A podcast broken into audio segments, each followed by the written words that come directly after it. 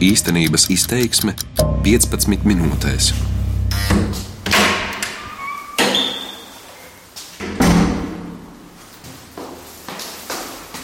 Pie Pētera Ansāna ģimenes viesojos Svētdienā.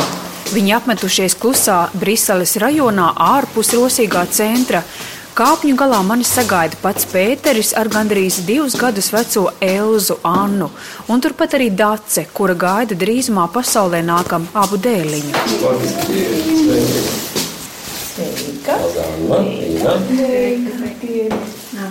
Pētera un Daces mājās ir gaišs. Uz grīdas mazās Elzas Annas rotaļlietas, uz galda platā traukā izkārtotas rūsganas krizantēmas, pie grāmatplaukta klavieres, kuras spēlē viņi abi. Pēters kādu laiku mācījies Emīļa Dārziņa mūzikas vidusskolā, kur apguvis čelu un trompeti. Dāce strādā Eiropas Savienības padomē un ir jurista lingviste, bet Pēteris tagad ir privāti uzņēmējs informācijas tehnoloģiju jomā. Taču viņi abi, starp citu klases biedri Ziemeļvalstu ģimnāzijā, viens otru pēc 11 gadiem ar jaunām acīm ieraudzīja Briselē, kad Pēters vēl bija diplomāts Latvijas pārstāvniecībā Eiropas Savienībā un Dāce strādā institūcijās. Tas bija īsi pirms Ziemassvētkiem lidostā gaidot reisu uz mājām. Šī ir neparasti silta diena, te jau plus 17 grādu. Iezījām uz viņu plašās terases, no kuras paveras rudenīgs skats uz Briseles piepilsētu. Volovē Saint-Pierre. Faktiski te uzreiz sakās Volovē Saint-Pierre un Volovē Saint-Lambert ir uz to pusi. Un tornis, laikam, ko redzēt cauri, tas Tomberga tornis. no tās puses. Jā, tas ir, tas ir atkal uh, Lamberts. Te redzam pašvaldības veco brūno torni ar pulksteni, kurš katru stundu izņemot svētdienas spēlē mūziku. Ik pēc laika debesīs zemu manām aizslīdām platu lidmašīnas vēderu. Briseles lidosta no šejienes nav tālu, un Pēters no turienes nesen atgriezies.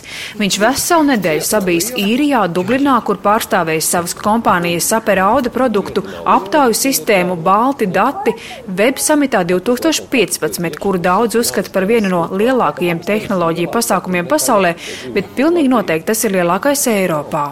Lūk, un šajā pasākumā mums, mēs bijām atzīti par vienu no jaunajiem perspektīviem uzņēmumiem.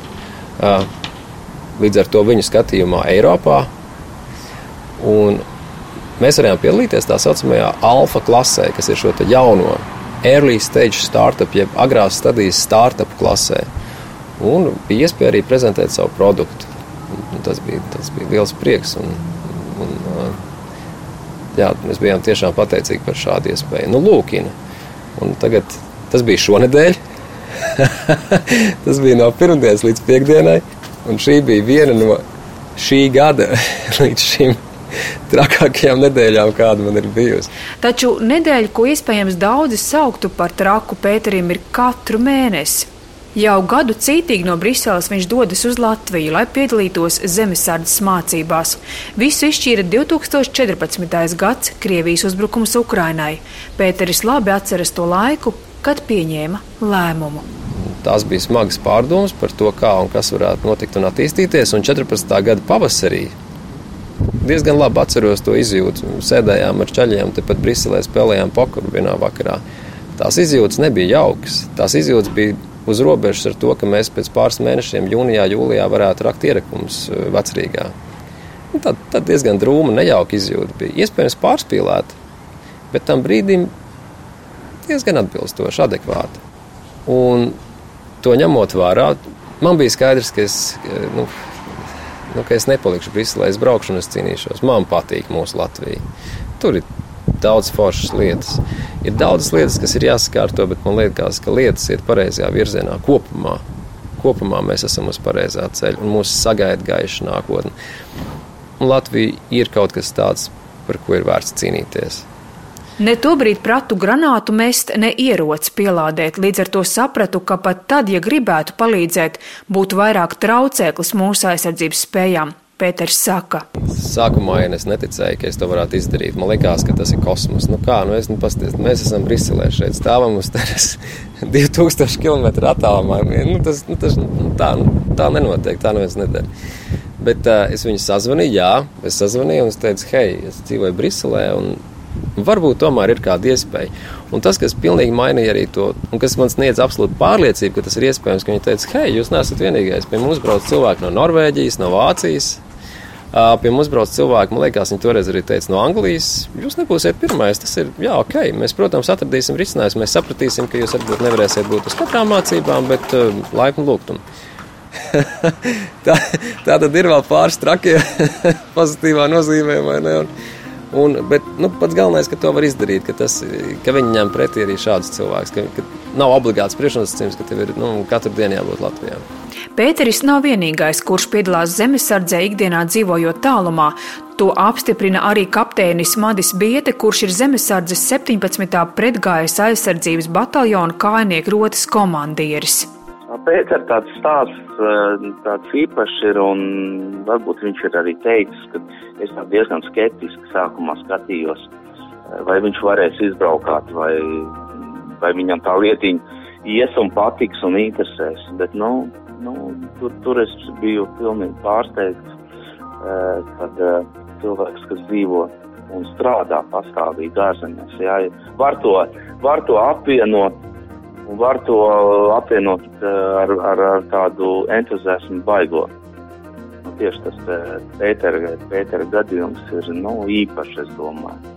Ir, ir man arī vairāki vēl zemesargi, ja, kas dzīvo, dzīvo citās valstīs, ja, man ir Norvēģijā, un ar ka viņi ir šeit, viņi nāk uz mācībām, nāk uz dežūrām, ja, tad tik bieži nesanāk viņiem, jo viņi varbūt dzīvo ilgākus laika posmus un nevar tā izrauties. Ja, bet uh, tas ļoti motivē, tā ir saikne noteikti ar uh, Latviju. Un tas ir parāda, ka patriotisms viņos ir. Kapteinis Madis Bieta teica, ka jūt pavisam citu motivāciju no to cilvēku puses, kuras zemesardzē pievienojušies pēc Krievijas agresijas Ukrainā. Tagadējais laiks pēc tiem notikumiem Ukrainā, kad sākās tas uh, Ukrainas uh, kara darbība, tie, kas iestājās tagad, ir mazliet savādāk, varbūt motivēti. Viņi zina, uz ko un nāca ne jau, ne jau tikai jaunieši, pavisam 18 gadīgi, jā, un 20 gadīgi. Viņi jau ir ar pārliecību. Pēters jau ir ar savām augstākajām izglītībām izstudējies, jā. viņam ir ģimene, viņam bērni, un viņš zina, ko viņš, ko viņš uh, grib, viņš zina, ko viņš jūt, un viņš, uh, viņam ir pilnīgi skaidrs mērķis.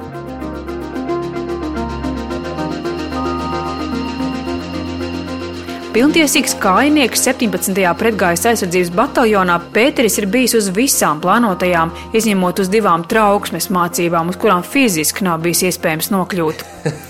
Kā es viņiem saku, es, protams, varu iekāpt mašīnā un aizbraukt, un es būšu tur pēc 25, 6 stundām. Bet, nu, sakiet, nu, ja, nu, ja, pat, pat, ja toči ir es kāpju un es braucu, bet ja ne tikai tāpat, tad nu, varbūt šoreiz nē. Viņi izturās, es sapratu, nu, viņi saka, nu, labi, jā, nu, šoreiz tās ir tikai mācības un tā. Visvairāk Pēteri pārsteidz tas, cik daudz teorijas ir jāzina. Šaušana, kā viņš teica, ir tikai maza daļa no visa. Zemesargu iemāca vispirms izdzīvot grūtos apstākļos, nesavainot sevi un biedrus, piemēram, mežā. Viņš tagad jūtas kā mājās.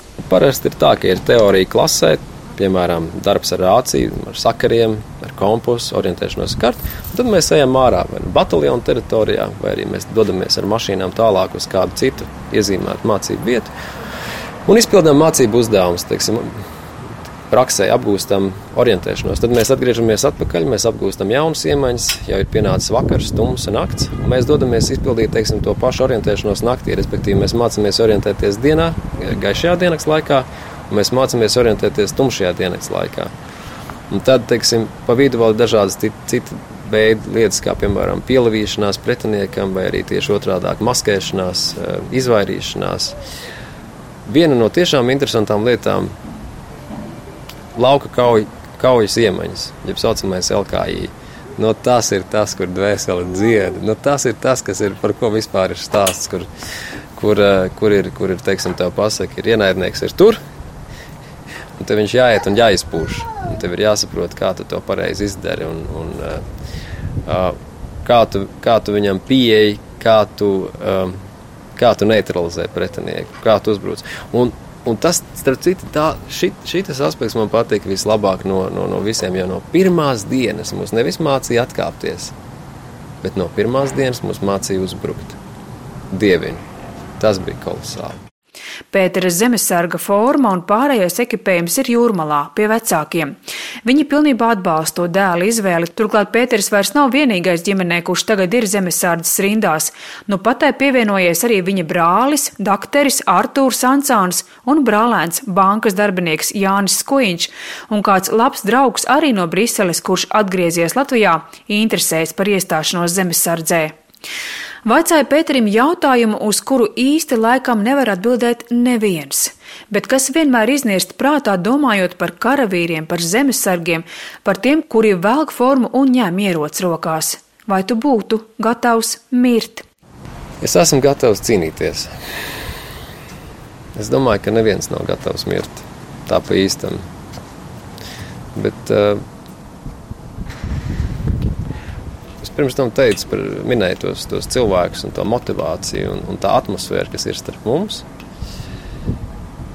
Ehm, cilvēki ir izteikti dažādiem, dažādām ehm, pieredzēm, vēsturēm, dzīves gājumiem, uzņēmējiem, grāmatveži un pavāri. Un, un, un, un arī viens finansists, kurš burtiski slēdz līgumus par miljoniem eiro. Bet uh, tas, tas, kas mūs vieno, ir tā, tā, tā kā to nosauc. Latvijas mīlestība savā veidā. Tas skan tā pompozi, kaut kā, kaut kā vienkāršāk. Es teikšu, tas ir kaut kas. Sarot, tev ir kaut kas, ir kaut kas tavs. Tev ir tava valsts. Tev ir tava piederība tavai valstī, tavai nācijai. Tā ir tā tava apziņa par tavu valstiskumu, par ko tu iestājies. Un in Johaidī, ja mēs neesam gatavi par to cīnīties, tad kāpēc vispār mums tas ir? Un paldies, ka tu uzdevi šo jautājumu, jo tas skar vēl kaut ko citu. Redz. Kāpēc mēs dzīvojam Latvijā? Vai mēs dzīvojam Latvijā tāpēc, ka nu, tā ir sagadījies? Vai mēs dzīvojam Latvijā tāpēc, ka mēs gribam tur dzīvot? Vai mēs esam neatkarīgi tāpēc, ka, un atkal, tā ir sagadījies. Nu, neatkarība kā pankūka nokrita no gaisa, nu man ir nokrita uz pankūku, nu es viņu ēdu. Vai mēs gribam būt neatkarīgi un brīvi? Un es zinu, ka es gribu būt brīvs. Un es zinu, ka savu personīgo identitāti, savu latviešu identitāti es vislabāk varu realizēt caur savu, caur piedarību savai nācijai, sabiedrībai, kurā es esmu, kuras, kuras daļa es esmu, un caur savu valsti. Un tas ir tas, ko es esmu gatavs aizstāvēt. Es vēlreiz saku, neviens, es domāju, neviens nav gatavs mirt tā īsti. Neviens negrib to darīt. Bet vai es esmu gatavs aizstāvēt līdz pēdējiem to, ko es mīlu? Jā, Jā es esmu. Šogad Pēters parādē nesoļos, un valsts svētkus 18. novembri vadīs Beļģijā pie ģimenes, jo kuru katru brīdi pasaulē var nākt mazulis, un tas ir par visu vissvarīgāk. Būtu jauki aizbraukt uz parādi, bet negribētās laikā saņemt ziņu, ka viss ir sācies, abi ar daci joko.